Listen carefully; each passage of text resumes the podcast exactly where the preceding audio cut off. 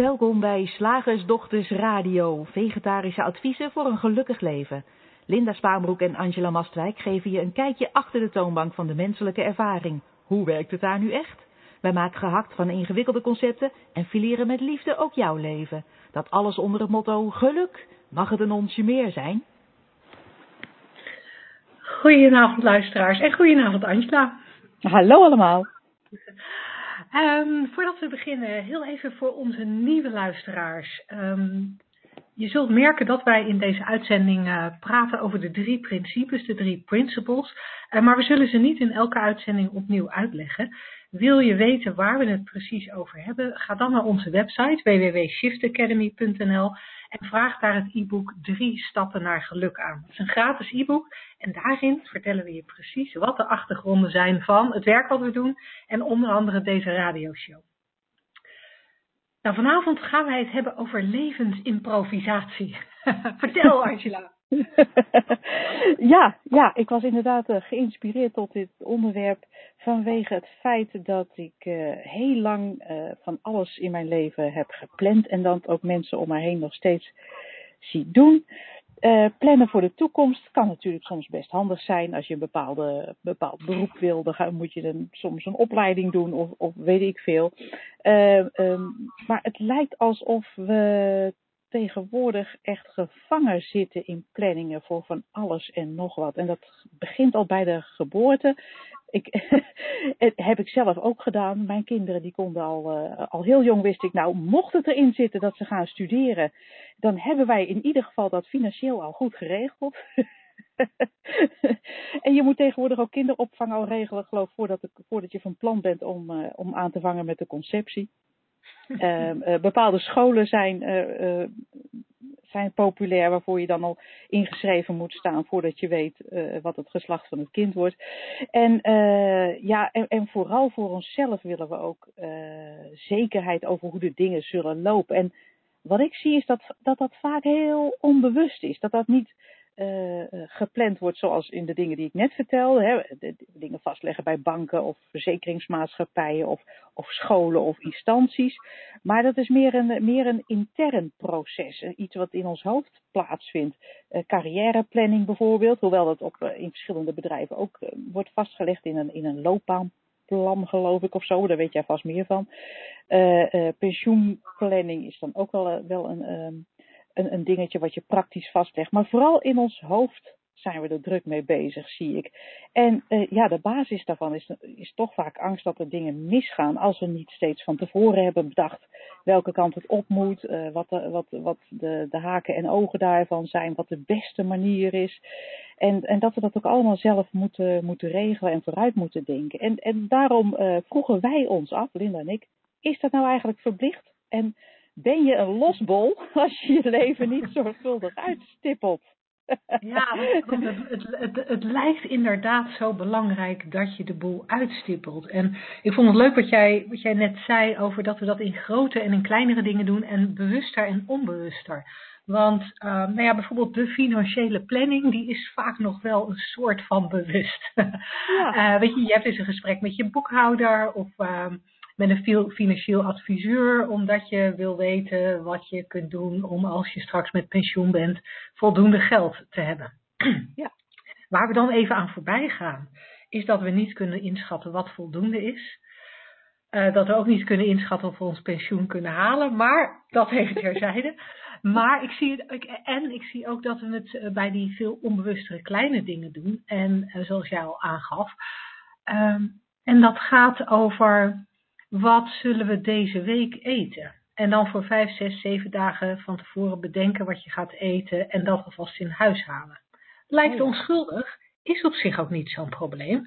Alleen zul je waarschijnlijk wel vaak merken dat je voor zeven dagen eten in huis haalt, er iets tussen komt, waardoor je misschien maar vijf maaltijden nodig hebt, of waardoor je besluit om het toch om te gooien, toch iets anders te eten. Of je gaat een keer uiteten, waardoor je inderdaad niet aan die zeven maaltijden komt deze week, maar er maar zes hoeft klaar te maken.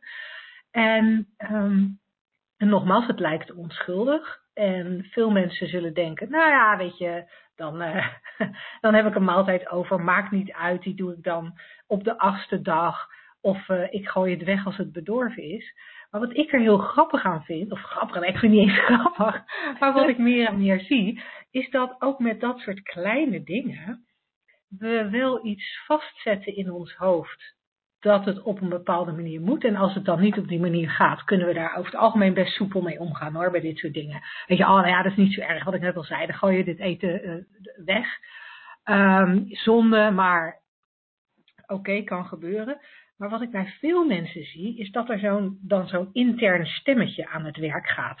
Zo'n stemmetje dat zegt, uh, ja, je hebt het ook weer niet goed gepland. Of het is toch wel heel erg zonde dat je dit eten weggooit. En je gooit zo vaak het eten weg. En het is weer geldverspilling. En, en dan gaat er zo'n zo'n zo'n zeurpietje in je hoofd. Gaat alsmaar tegen je aanpraten.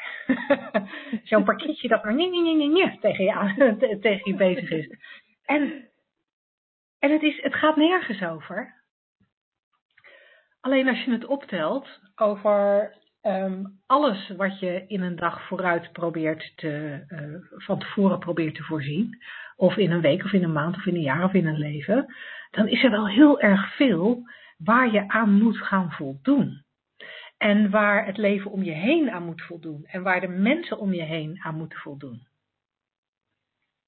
Ik vind het heel grappig dat jij over dat uh, eten plannen begon. Want ik, ik kende vroeger iemand, en dat is geen grapje. Maar als die een nieuwe agenda kocht, zo in december, begin december. Dan uh, mm-hmm. vulde zij voor het jaar daarop voor elke dag in wat ze ging eten. Dan moest ik even oh, aan denken. MG. Ik, ja, ik, ja, ik, ik dacht dat amazing. Ik... Zij vond het heel praktisch. Oké. Okay. Zij zei, dan hoef ik, er niet, hoef ik er, denk ik er nu even over na, een dagje. Hè, dus voor 365 dagen. En dan hoef ik er niet meer over na te denken. En, ja, ja, oké. Okay. Uh, ik, ja, dat, dat ja. kan natuurlijk. Um, ja, en nog een ander aspect wat ik misschien uh, zie. En um, ik moet even kijken of jij ook vindt dat dat erbij hoort. Is dat we uh, met, dat, met al dat plannen, dat we ook heel vaak. kijk, vooruitdenken is, is op zich niks mis mee. Maar we, we gaan dan ook vaak uh, heel, bijvoorbeeld, ik noem maar wat, we willen van baan veranderen.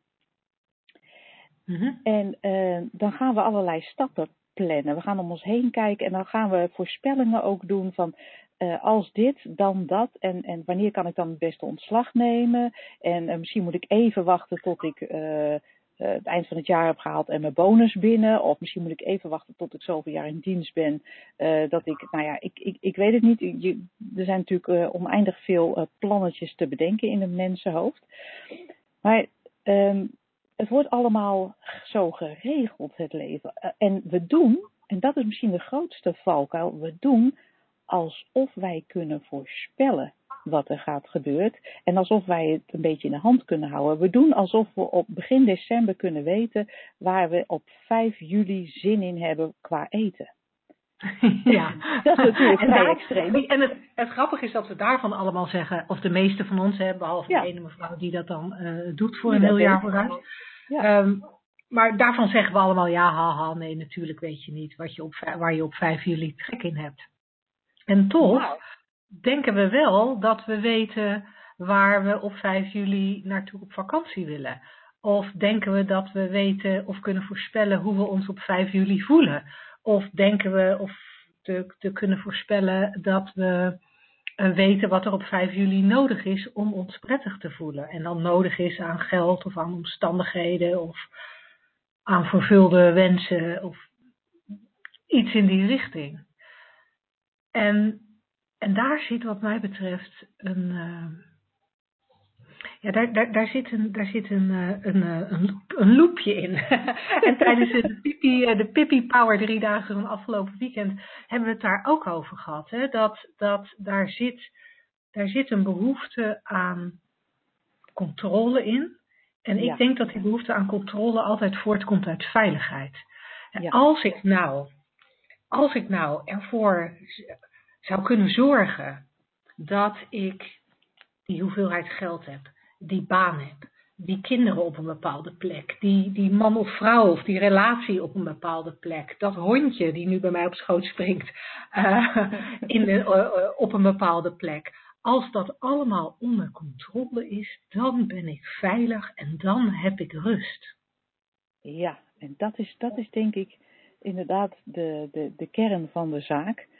Wij denken dat we alles moeten regelen zodat wij nu vast een goed gevoel uh, hebben, wat we onszelf dan dus aanpraten, over een moment in de, in de toekomst. Ik heb het geregeld, dus ik kan me nu veilig voelen. En dan gaan we volledig voorbij aan de, aan de, aan de onvoorspelbaarheid van het leven, aan, aan wat er in elk moment kan gebeuren. En voor heel veel mensen lijkt dat heel eng te zijn om de realisatie dat je totaal geen houvast hebt en dat je gerust mag plannen. Be my guest, doe het leuk. Maar dat het heel vaak angstgedreven is. En uh, dat, dat met die planning je jezelf eigenlijk een beetje uh, uh, ja, op een, uh, een strakke manier geruststelt, waar er eigenlijk helemaal geen geruststelling mogelijk is, maar ook niet nodig is, denk ik.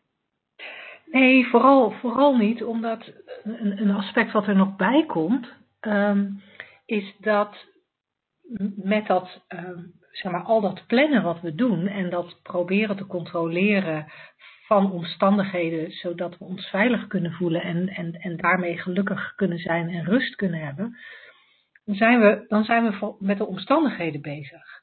Ja. En, en de omstandigheden zijn nooit wat je welzijn bepaalt. Dat lijkt vaak wel zo. Het lijkt natuurlijk vaak wel zo dat als de keuken nou maar vernieuwd is, dan voel ik me beter in dit huis. Maar dat is het nooit werkelijk. Het zijn altijd je gedachten in het moment die bepalen hoe jij je voelt. En je kunt nu nog zoveel plannen en nog zoveel omstandigheden onder controle proberen te houden en te hebben, voor als het straks 5 juli is. Maar wat je niet onder controle hebt en wat je niet kan voorspellen, is, is wat je denkt in dat moment.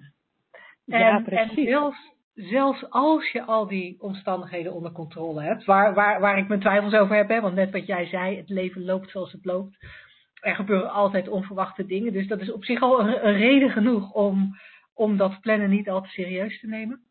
Maar dat andere aspect, dat, dat je omstandigheden nooit bepalen of je je goed voelt of niet, dat, dat maakt plannen al helemaal zinloos. want, dan, want ja. dan zorgt plannen ervoor dat je heel veel na aan denken bent over de toekomst. Eigenlijk, zoals je net al zei, ook veel angstscenario's bedenkt. Van ja, want, want het moet niet zo, het moet zo, want zo is het beter. Um, dus je, bent nu heel veel gedachten aan het vormen over de toekomst, over dingen die mogelijk misgaan, over dingen die je per se wil. Die halen je heel erg weg bij het nu. Die halen je heel erg weg bij het goede gevoel dat gewoon al in je huist. Uh, ze halen je er niet echt bij weg, maar daardoor voel je dat goede gevoel niet meer. Terwijl als je dat plannen zou kunnen nalaten, of minder zou doen, en meer zou kunnen ja, reageren op wat er in, in elk moment voor je ligt om te doen, uh, dan, kan je, dan, dan, dan kan je veel beter bij dat gevoel van welzijn wat al in je zit. Dan ervaar je het veel meer, omdat je veel minder gedachten in je hoofd hebt. Ja, dat is inderdaad uh, uh, heel, heel mooi uitgelegd. Dat inderdaad, we, we, we proberen van tevoren dingen te regelen. Maar dan gaan we ervan uit dat als er dingen gaan zoals wij gaan, dat we ons dan ook oké voelen. Terwijl het oké voelen totaal niet in de omstandigheden zit. Dus eigenlijk maakt het helemaal niet uit wat er gebeurt. Wat wel uitmaakt, is weet jij in elk moment waar je welzijn vandaan komt, waar het zit. En dat is niet uh, in, in, in de omstandigheden. En ik vind het ook nog, nog wat, ik, wat ik ook nog zie, is dat uh, bij, bij, bij al dat plannen lijkt het ook heel erg belangrijk uh, om, uh, om, om gebaande paden te volgen. Van, oh ja, bijvoorbeeld uh, een carrière moet zo en zo lopen. En dan, en dan, en dan luisteren we bijvoorbeeld naar een, een loopbaanadviseur. En die zegt, nou, als je nou A en dan B en dan, en dan C en dan D. Um, doet, dan, uh, dan, dan, komt het wel, dan komt het wel goed. Dan lijkt het alsof uh, alsof wij zelf in het moment niet de juiste respons hebben. Daar had jij het ook al, al, een, al een beetje over, de respons in het moment, eigenlijk het, het leven in het nu. En dat is uh, waar we in die drie principes ook naar verwijzen. Als je een beetje weet hoe je zelf in elkaar zit, dan, uh, dan is het veel makkelijker om, uh, om, om, dat welzijn en die helderheid in jezelf te vinden. En dan hoef je niet een vooruitgestippeld plan te hebben van je loopbaanadviseur of een vooruitgestippeld plan van je dieetgoeroe of een vooruitgestippeld plan van uh, uh, een, een, een schooldocent, weet ik veel dan weet jij zelf wat voor jou in elk moment de juiste stap is. En dat is natuurlijk veel prettiger dan uh, andermans tips opvolgen, die voor jou misschien helemaal niet hoeven te werken, die voor jou misschien helemaal de weg niet zijn in, in, in die loopbaan. He, waarom zou je uh, mm-hmm. iets, moet, iets moeten doen wat een ander voor je heeft uh, bedacht, wat een leuke weg is? En, uh, en, en ik denk dat het heel belangrijk is dat je, dat, dat je, dat je ziet dat, dat je dat allemaal zelf al in je hebt. Dat, dat, je, dat je zelf de potentie hebt om in elk moment de beslissing ne te nemen die voor jou goed is. En, en niet, uh, uh, niet die een ander bedacht heeft.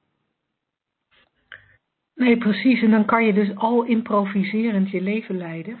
Ja. en dat lijkt een beetje spannend en eng. Maar dat lijkt alleen maar zo.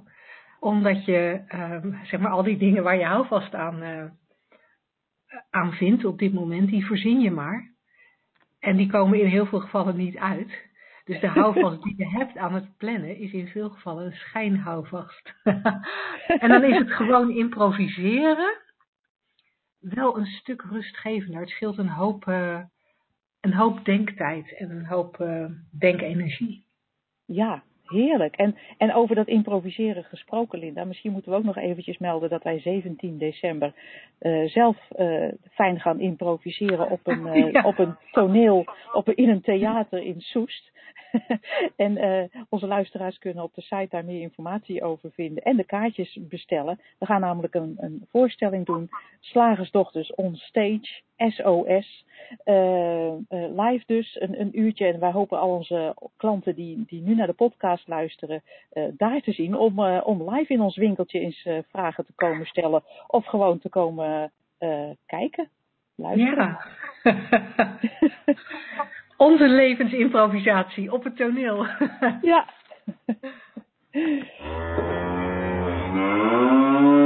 Slagersdochters, wat zit er in de leverworst? Oftewel, tijd voor wat wetenschap. De wetenschap van deze week, dat uh, is een artikel dat wij te danken hebben aan een trouwe podcastluisteraar Maarten. Die stuurde ons een link toe naar dit, uh, naar dit artikel. Ik ga het niet helemaal uh, vertalen en voorlezen, maar ik heb een aantal aspecten eruit gehaald waarvan ik dacht, interessant voor onze, voor onze radioshow, om eens eventjes naar te kijken. En het gaat over het concept schizofrenie een, een, een psychiatrische aandoening waarbij mensen uh, waanvoorstellingen hebben. Dat is even simpel wat ik ervan af weet. Hè. Ik ben geen, uh, geen psychiater, maar dat is even heel eenvoudig voorgesteld. wat, wat dat met je, welk gedrag dat inhoudt. En ehm, ja, de, al tientallen jaren gaat de, heeft de psychologie dat als nou ja, als een van de dingen die op te lossen zijn. Een van de dingen die, uh, waarmee gedeeld moet worden. Die, uh, waar, men, waarmee mensen in therapie moeten en, en ook pillen moeten. Uh, maar nu lijkt het erop dat, dat het concept gaat verdwijnen. Dat de psychologie en de psychiatrie zelf zeggen, volgens ons bestaat het niet. Oh, echt waar? ja. En, en, dat is, nou, en dat is opmerkelijk, want er staat ook in dit artikel. Um, um, kijk, stel dat je uh, gediagnosticeerd bent met schizofrenie, met die waandenkbeelden en, en allerlei uh, biochemische uh, disbalansen in, je, in, in, in de hersenen die, die daarbij horen. En daar hoort daar ook bij dat je, dat je een, ehm, een, een kortere levensverwachting hebt. Namelijk, je wordt 20 jaar. de, de levensverwachting wordt, daalt met 20 jaar als je zo'n diagnose krijgt. Dat is niet, dat is niet zo weinig. Er worden ook veel, vinden ook veel mhm. zelfmoorden plaats onder uh, schizofrenie uh, hoe noem je dat, leiders? Ja, dat vind ik een beetje een raar woord, maar in ieder geval. En, en, en ook werd uh, aangenomen, of wordt nog steeds aangenomen, dat maar één op de zeven mensen hiervan kan herstellen. Okay. Uh, ja, en er zijn wel uh, stappen gemaakt in, het, uh, in de behandeling. Maar um, over al die tientallen jaren dat men, sinds men het label schizofrenie heeft uitgevonden, is, is het aantal mensen wat ervan heeft hersteld niet, niet gegroeid, ondanks de verschillende behandelmethodes. En dat heeft uh, de psychiatrie doen denken dat er toch iets, iets fundamenteel mis is met deze diagnose. Dus ze zijn gaan kijken naar het concept van schizofrenie zelf. Mm-hmm. En, uh, en ze zeggen, ja, eigenlijk is het, uh, de verschijnselen zijn zo variabel in ieder mens, dat we net zoals bij wat we nu bij autisme doen, dan zeggen we, dat is een heel spectrum van, moeten we eigenlijk ook zeggen dat uh, schizofrenie gewoon een heel spectrum is. En nu komt er een term die heel interessant is in het kader van uh, de drie principes van waaruit wij praten. Want ze zeggen schizofrenie is gewoon een soort uh, extreem, extreem geval van een, van, van een ervaring. Dus als mens kan je heel veel ervaring hebben, heel veel blijkbaar uh, hallucinerende ervaringen of uh, psychotische ervaring, dat is de juiste term. En ja, schizofrenie heeft, dat, dat, is, dat varieert. Uh, er is een heel spectrum van, er zijn mensen die, die we dat label hebben gegeven, die dus, dus af en toe een beetje een andere realiteit ervaren. En er zijn mensen die echt heel diep en, en continu in een andere realiteit le uh, leven. Ze zegt dus eigenlijk is het niet van één diagnose, maar een heel spectrum. En moeten we in ieder geval eerst een stap maken daar naartoe. Dat het niet een, een, eigenlijk een vast omlijnde afwijking is. Dus we maken het iets losser. Uh, Jim van Os, dat is een, uh, professor, een psychiatrieprofessor uh, aan de Universiteit van Maastricht. Die zegt, we kunnen niet naar deze nieuwe manier van denken toe zonder dat we onze taal uh, veranderen, de taal die we bezigen in, in, de, in de psychiatrie. En hij zegt, ja, schizofrenie moet eigenlijk gewoon afgeschaft worden als, als label. En hij wil het vervangen. Nou, daar hebben wij straks nog wel wat over te zeggen, denk ik. Mm-hmm. hij wil er een nieuw concept van maken. En uh, iets van een, een psychose spectrum uh, disorder. Een psychose spectrum afwijking. Uh, een, een ander probleem hierin, in de verandering van de, van de perceptie van schizofrenie, is dat het altijd is afgeschilderd als een hopeloze chronische hersenaandoening. Hè? Dus echt een biologische afwijking. En er werd dus zelfs aan mensen verteld die deze diagnose kregen en aan hun ouders, en dit is echt uh, ja, opmerkelijk, dat, nou ja, dat je beter kanker kan hebben. Werkelijk? Ja, dat staat hier echt in dit artikel. Van nou ja, je hebt schizofrenie, dat is echt heel erg, want het is hopeloos. Uh, voor kanker zijn nog behandelingen, maar voor schizofrenie hebben we weinig hoop. En ja, professor Van Os die zegt dus, ja, deze, deze blik op schizofrenie is uh, uh, alleen maar mogelijk omdat we blijkbaar niet kijken naar mensen die, die er wel uitkomen. En dat is dus ook wel mogelijk in zijn, uh, in zijn optiek. Maar tegen die mensen wordt gezegd, volgens de, professor, nou, dan zal je wel geen schizofrenie gehad hebben. ja, en dat vind ik opmerkelijk. Het doet mij ook uh, denken aan uh, in de tijd dat mijn zoon anorexia had. Men, men, stelde vast dat hij dat, dat hij echt, dat het echt heel, heel, heel erg was. En dat hij acuut opgenomen moest worden in een eetstoornissenkliniek. Men, maakte daar ruimte voor hem speciaal. En hij ging niet en, en hij herstelde. En, toen zei, en toen zei men vervolgens achteraf, nou, dan zou het wel niet zo erg geweest zijn. maar dat is natuurlijk een hele interessante uh, uh, wending. Want net als bij de mensen die van schizofrenie herstellen, wil men eigenlijk gewoon in de psychiatrie niet geloven dat herstel mogelijk is van zo'n ziekte. En daar wil ik het met jou even zo over hebben. Even kijken wat ik verder nog van dit dit artikel wilde vertellen. Ja, ze zeggen dus ook schizofrenie. Uh, ja, het kan dus blijken dat het juist uh, gewoon heel veel verschillende dingen zijn. het syndroom is nu dus eigenlijk ligt, ligt onder vuur. Het wordt al een beetje ja, het, het, het brokkelt een beetje af. En, een heel belangrijke een bekende psychiater, Sir Robin Murray, die, die zegt ook al, ja, ik denk dat schizofrenie over een tijdje gewoon uit de boeken verdwijnt. Net, net, als, uh, net als een en hij vergelijkt dat met een fysieke ziekte die ook uit de boeken is verdwenen. En dat is een Engelse term dropsy. Die kennen wij in het Nederlands niet, maar dat was dan dat je vocht vasthield. Vroeger leed iedereen daaraan en uh, was het onbehandelbaar. En nou ja, dat, dat, dat, is helemaal verdwenen als, als, als ziekte. En men verwacht dus van, van uh, schizofrenie dat dat ook, dat dat ook gebeurt. Uh, ja, en, en in het onderzoek is men nu aan het kijken naar de, de, heel veel verschillende manieren uh, waarop mensen dus zo'n ervaring, die wordt gekarakteriseerd als schizofrenie, uh, kunnen, kunnen krijgen. Uh, waar komt het vandaan? En, en dan zegt men ja, zijn, het zijn hallucinaties, ja, illusies, disorganized thinking, dus, dus ja, een beetje rommelig denken en gedrag. Mm -hmm. uh, apathie en, en uh, een flatliner qua emotie.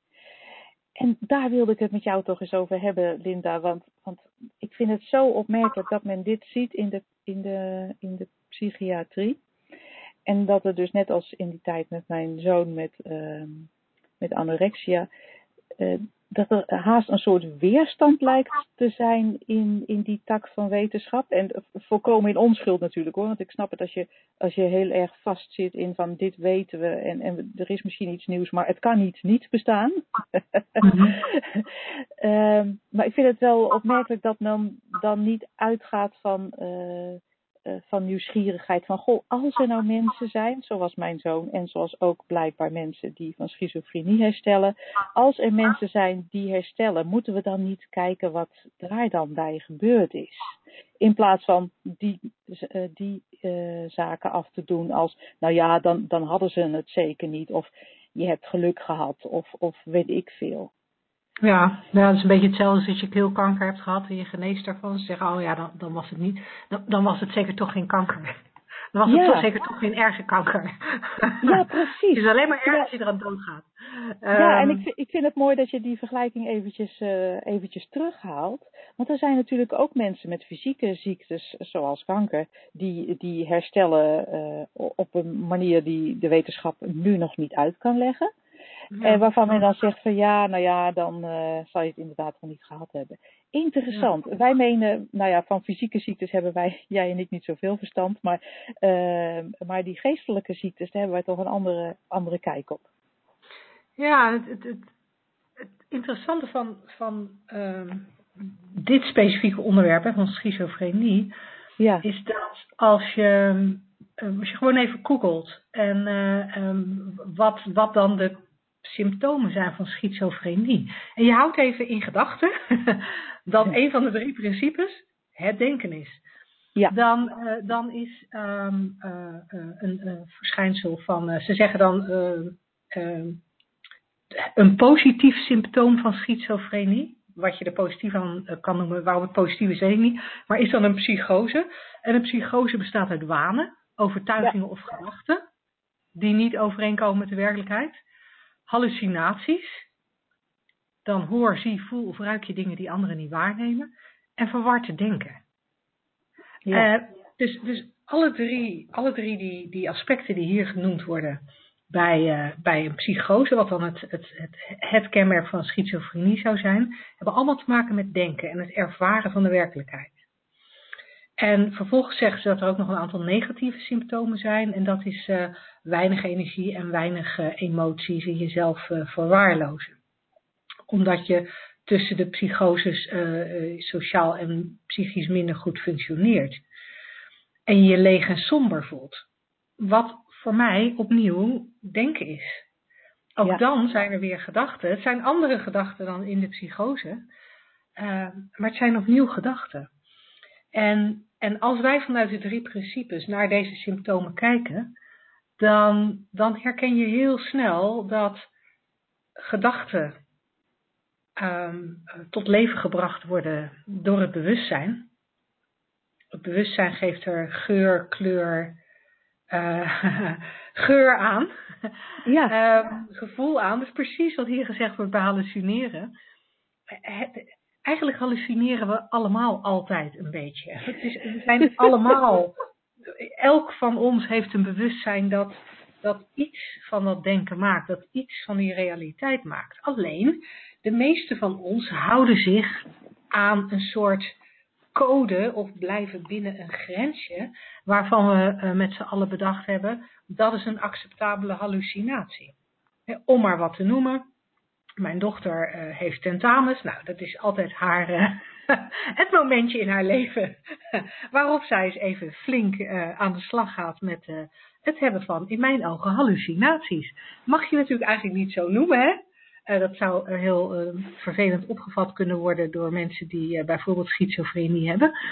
Maar zij, mijn dochter gaat dan dingen denken die niet waar zijn. Ja. En zij, zij ziet bewijs voor haar niet ware gedachten. En haar, haar onware gedachten gaan altijd over dat de stof te veel is, dat het te moeilijk is, dat ze slecht is in multiple choice vragen, of juist slecht in open vragen, of in beide. Uh, of vroeger het een, nu het ander. Maar het maakt eigenlijk niet zoveel uit. Het wisselt nogal. En, um, en ik durf dit allemaal te zeggen omdat ik zeker weet dat ze luistert. Dus ik ben niet over haar, aan te roddelen. Ik doe dit gewoon waar ze bij is. en, en, en zij heeft allerlei gedachten en het voelt op zo'n moment allemaal heel echt. En ze raakt een beetje in paniek en ze vindt het vervelend en soms wordt ze een beetje narrig. Ze wordt er ook moe van. Um, precies diezelfde symptomen die we bij schizofrenie in een hele ernstige vorm zien.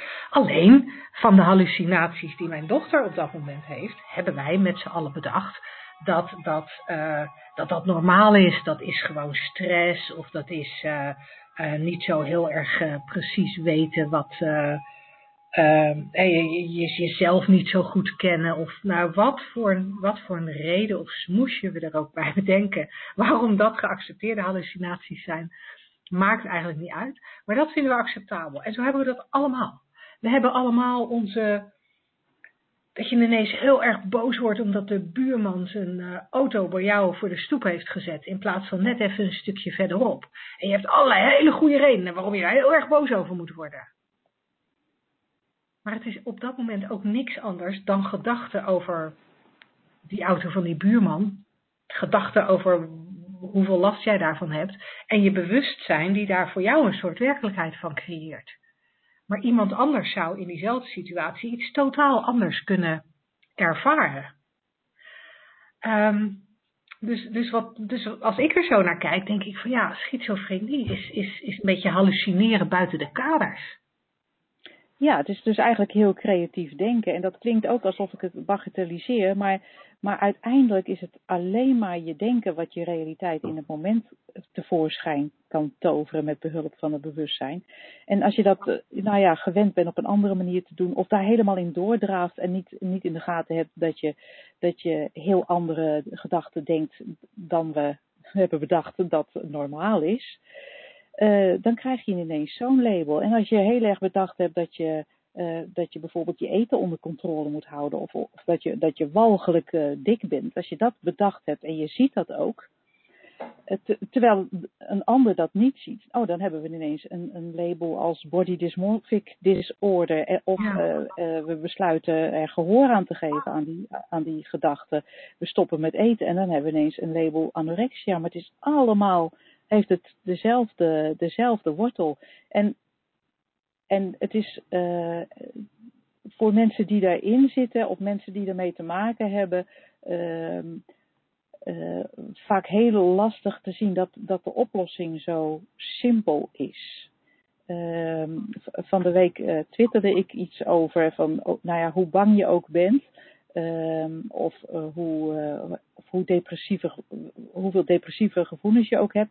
Je bent daaronder altijd oké. En dan kreeg ik een soort, soort semi-agressieve uh, reactie op van, nou ja, dat, dat konden wij niet maken, want er waren mensen met heel veel bagage, waarvoor het niet, geestelijke bagage, waarvoor het niet zo simpel was. En ik begrijp dat zo'n reactie wel, maar ik vind het tegelijkertijd jammer dat, uh, dat, dat wij menen dat, dat er geen oplossingen zijn waar, eh, waar ze er wel zijn en waar het eigenlijk uh, simpeler is dan we denken. Ja, ja want, want, want de simpelheid ligt in het, in het feit dat als je ziet hoe het systeem werkt, als je ziet hoe gedachten en bewustzijn samen die realiteit voor jou creëren, samen die film voor jou creëren, die voor jou persoonlijk heel echt lijkt, maar het niet is. als je dat die systeem gaat doorzien, eerst een heel klein beetje en dan meer en meer en meer en meer, dan, dan krijgt de gedachte, of dat nou tussen aanhalingstekens echte wanen zijn, of um, minder echte wanen, maar dan, dan, dan krijgen die gedachten veel minder grip op je. Um, dan verdwijnen ze misschien zelfs helemaal. Of als ze er zijn, neem je, ze zelf minder serieus, waardoor je er minder op hoeft te acteren. Komt er misschien nog steeds wel eens uh, de schizofrene of de psychotische gedachte in je op. Ik lijk Jezus wel. Maar acteer je er verder niet op, omdat je die gedachte, ik lijk Jezus wel of ik ben God, voorbij laat gaan, zoals je ook de gedachte voorbij kan laten gaan, oh het regent buiten. Of oh het is droog buiten. Ja. En, en, en, en dat inzicht in dat systeem, dat vraagt, dat vraagt wel over het algemeen voor de meeste mensen iets meer dan uh, naar onze podcast luisteren. Maar dat inzicht echt krijgen kan, kan, kan en daar, daar zijn legio voorbeelden en bewijzen van, uh, hele heftige uh, psychiatrische stoornissen verminderen of zelfs verhelpen. En ik zou het super cool vinden als daar, uh, daar wat meer oog voor was. Uh, al was het maar onder het mom baat het niet, dan schaadt het niet. ja, laten we eens naar iets nieuws kijken. Want wat we nu doen ja. levert alleen maar uh, meer labels op en meer ingewikkeldheid en, en nog meer therapie. En uh, nou, misschien mag het wel makkelijker. Dat zou cool zijn. Ja. Zeg, slagersdochters, hoe bak ik die vegaburger? Over naar de luisteraarsvraag. Nou, vandaag uh, hebben we twee vragen van uh, Monique. En uh, Monique heeft die ingestuurd via e-mail. En als jij een podcastluisteraar bent, dan mag je uiteraard, of dan nodigen we je zelfs van harte uit om je vragen aan ons toe te sturen via radio.shiftacademy.nl of vragen.shiftacademy.nl, net wat je het leukst vindt. En um, die vragen beantwoorden we dan in onze toekomstige radioshows. Het hoeft niet eens per se een vraag te zijn, mag ook een soort dilemma zijn. Ik zit met X, Y, Z. Wat vinden jullie daarvan? Kunnen jullie daar je drie principles licht eens op laten schijnen? En dat doen wij dan uh, met alle liefde. Nou, Monique heeft uh, twee vragen die uh, een beetje tegen elkaar aanschuren. De eerste is, daar kunnen we denk ik heel kort mee zijn, is hoi Angela en Linda. Ik heb half vraag, half opmerking voor de podcast. Als gedachten nooit waar zijn, zoals ik jullie vaak hoor zeggen, dan is het idee van de drie principes en alles wat er omheen bedacht is, ook niet waar. Haha, daar heeft Monique, daar heeft Monique iets heel moois te pakken. En ze heeft gelijk. Ook ja. dit is niet waar. Ik, ja, het klopt. Maar um, um, wat wij wel doen, kijk, woorden zijn sowieso en gedachten zijn, zijn inderdaad niet waar. Gewoon een, ze, vormen een tijdelijke realiteit. En de woorden die wij uh, bezigen, die we gebruiken in, in, om de drie principes uit te leggen, die, ja, het is, het is de beste uh, uh, middel wat we hebben om te wijzen naar iets waarvoor geen woorden zijn. En hoe, ze noemen dat wel eens van we, we wijzen naar, wijzen naar een vuurtje met een, met een staaf ijs. Dus hoe dichterbij we er komen, hoe, ja, hoe minder woorden we hebben, hoe minder waar het is wat we zeggen, hoe meer met lege handen we staan. We, we verwijzen namelijk naar de, naar de achterliggende waarheid, ook weer zo'n leuk woord. Dat kan je ook op een heleboel manieren uitleggen. We leggen uit naar, we, we, verwijzen naar de achterliggende waarheid, achter de menselijke ervaring, die onveranderlijk is, die eeuwig is. Uh, uh, ja, waar we dus eigenlijk niks over kunnen zeggen, maar waar we wel in geworteld zijn.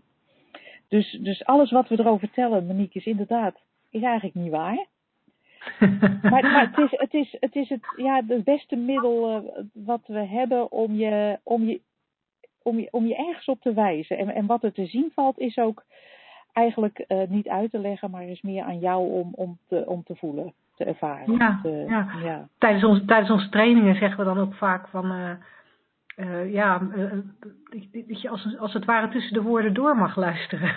Ja, het, gaat, het gaat niet om de woorden, maar dat waar we naar proberen te verwijzen. En dat zit vaak veel meer in een gevoel of in een soort, ja, dat je, ik zit nu een beetje zo met mijn vingers over elkaar te wrijven, dat je zo'n zo'n gevoel hebt voor, oh, oh.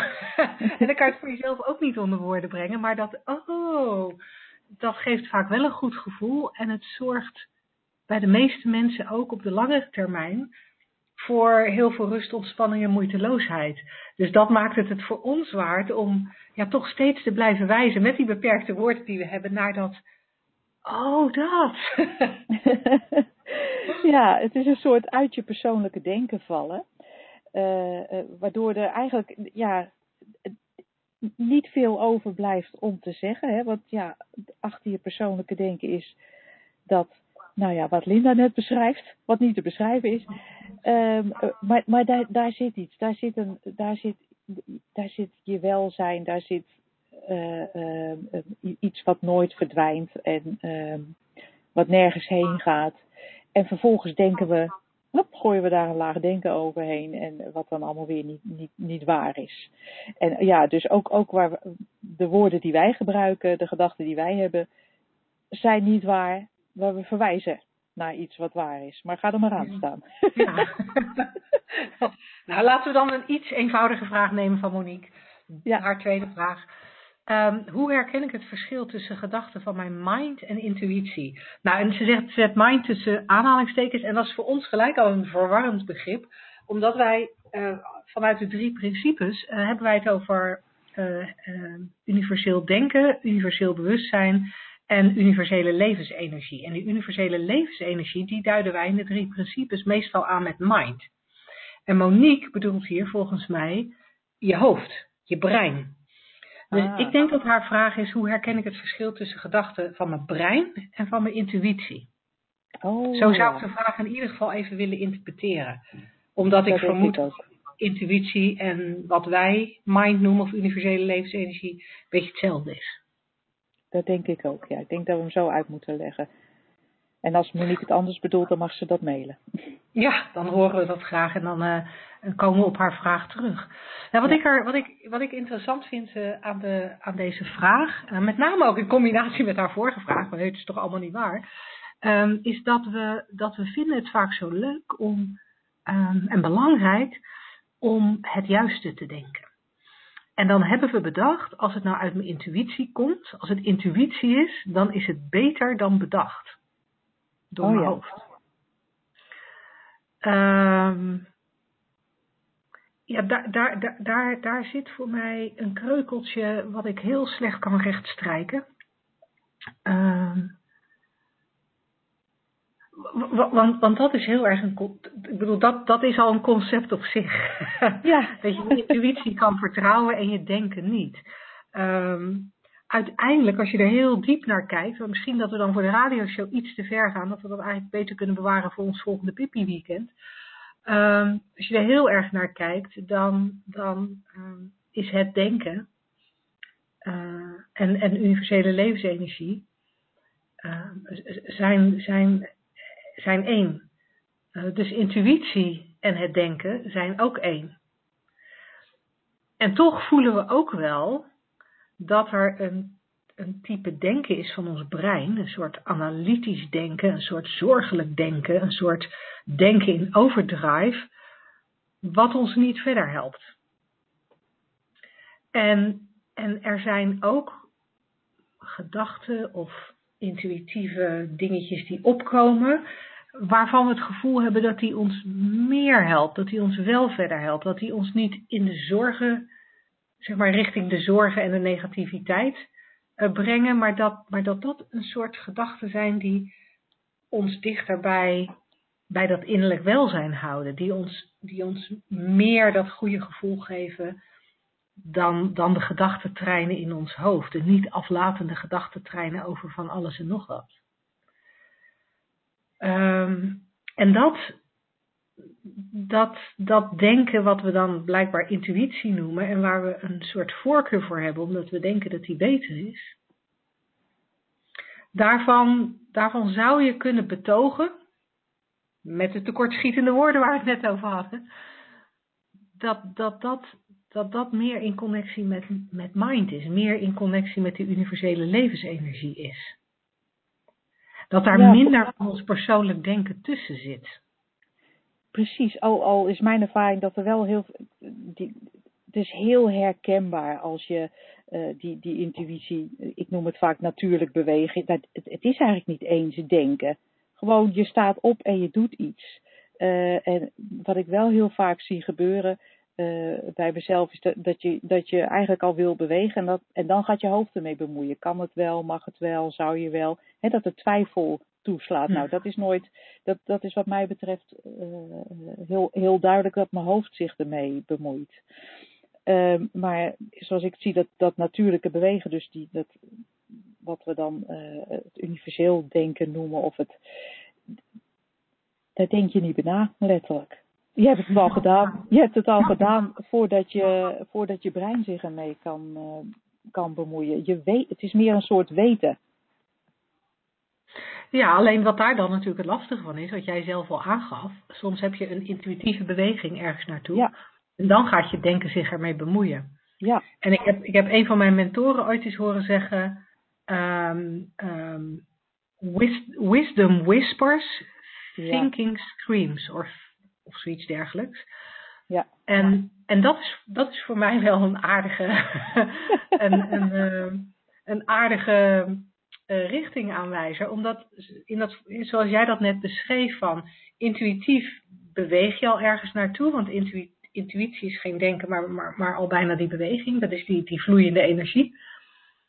En op het moment, en, en, en dat hoor je niet, dat, daar zijn geen woorden aan, daar, daar, daar lijkt er weinig gedachten aan te pas te komen. En dan gaat de denktrein aan. Hoppa. en die ratelt over het spoor. en die maakt een partij herrie. Ja, het is, het, ik heb het inderdaad volgens mij in het kinderboek ook zo omschreven. Dat, dat, uh, dat het, het grote denken, zoals ik het daarin noem, oftewel het natuurlijke bewegen of je intuïtie. Dat is, dat, dat is gewoon, dat, dat, dat weet je. Dat is een heel klein stemmetje. En, en die andere, dat, dat, dat, zei, dat is de herrie in je hoofd. En het verschil daartussen, ja, ik zou daar uh, uh, niet te veel over nadenken. Nee, dat lijkt me het, uh, het makkelijkste advies van het, nee, het beste advies van deze avond. Oh, we mochten geen adviezen geven, dat deden wij niet. Bij deze toch? Woensdag, gehaktdag. Zeg slagersdochters, welk concept gaat er vandaag door de molen? Misschien is dat ook wel een mooi concept, Angela. De slagersdochters mogen geen advies geven. ja, inderdaad. maar die gingen we niet bespreken. Je had een andere voor vanavond. Ja, ik, uh, ik ben even aan het kijken, want ik moet hem er even bij uh, nemen. Um, oh, wacht even hoor. Ja, en ik heb hem ook niet bij de hand, sorry. Geeft niks. Dat zal altijd wel een strijd blijven, heb ik hier. Oh, ja, ja, ja. natuurlijk. Ja, wat blijft er dan zo al een strijd, hè? Um, de relatie met je moeder uh, of je vader, um, de opvoeding ja. van je kind, het ja, omgaan met je depressie of andere geestelijke ziekten. Nou, dat. Ja, je, je levenslange uh, gevecht met, uh, met je gewicht of met, uh, hè, en dan is het meestal overgewicht, maar het kan natuurlijk ook ondergewicht zijn.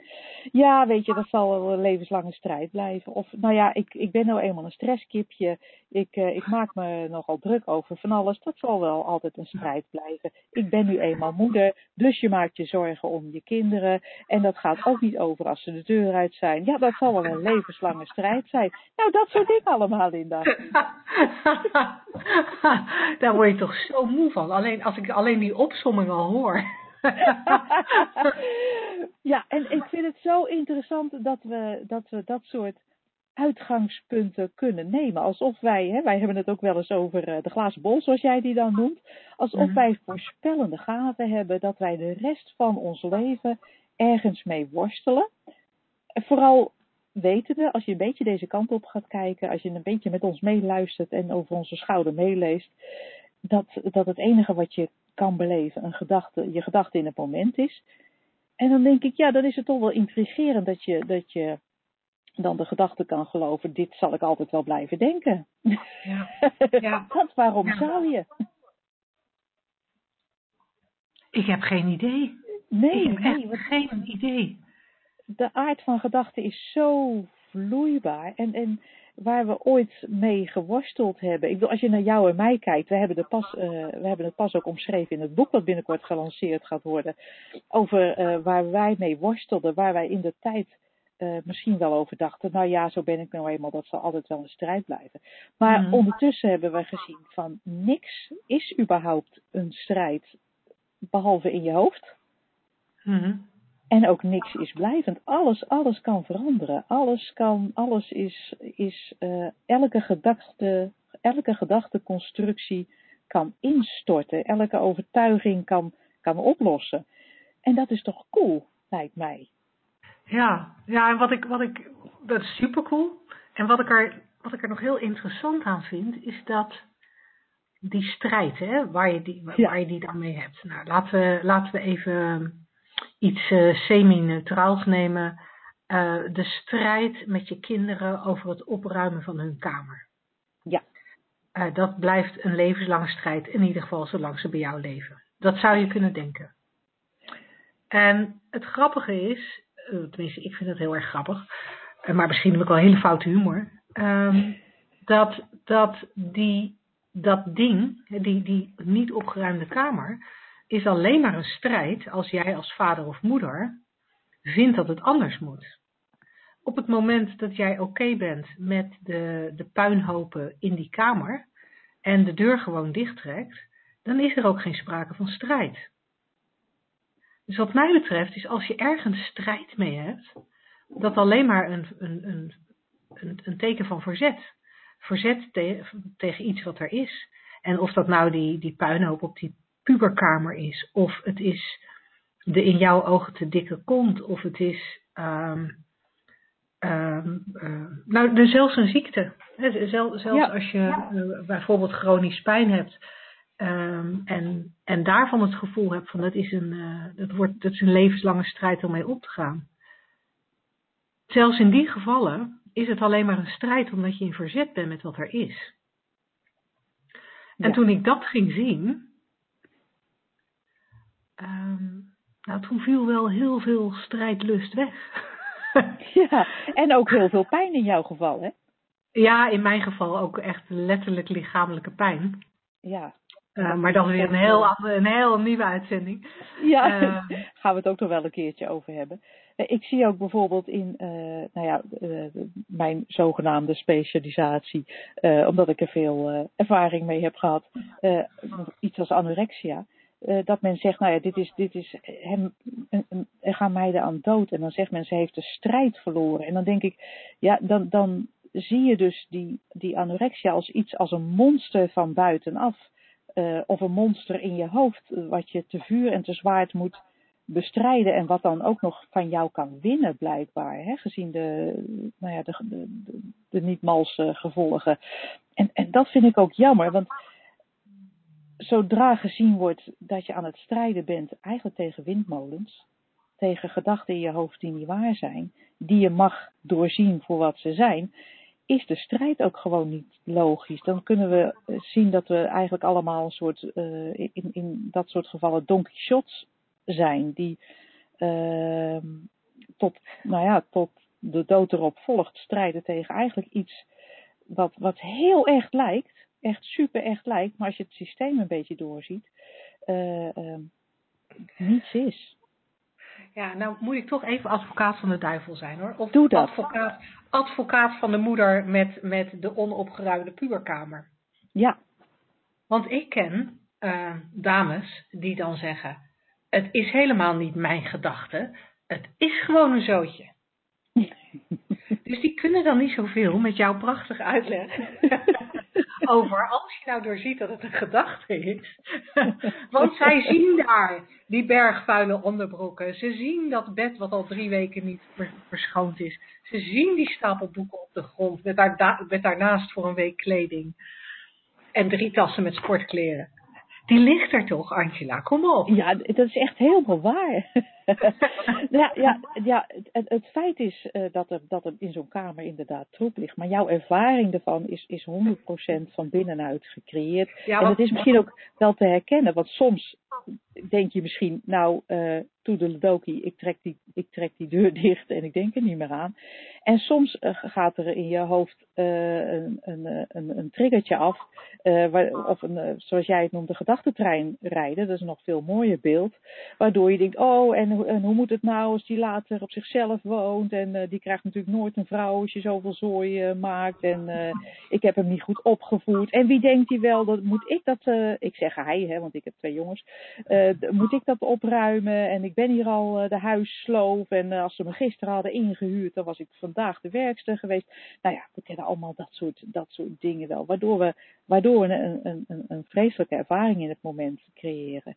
Um, um, feit is inderdaad, er, ligt waarschijnlijk, er is waarschijnlijk een vloer. En met waarschijnlijk dingen daarop die jij veel spullen erop. Ja, met veel spullen erop. Maar je ervaring daarvan is 100% verzonnen.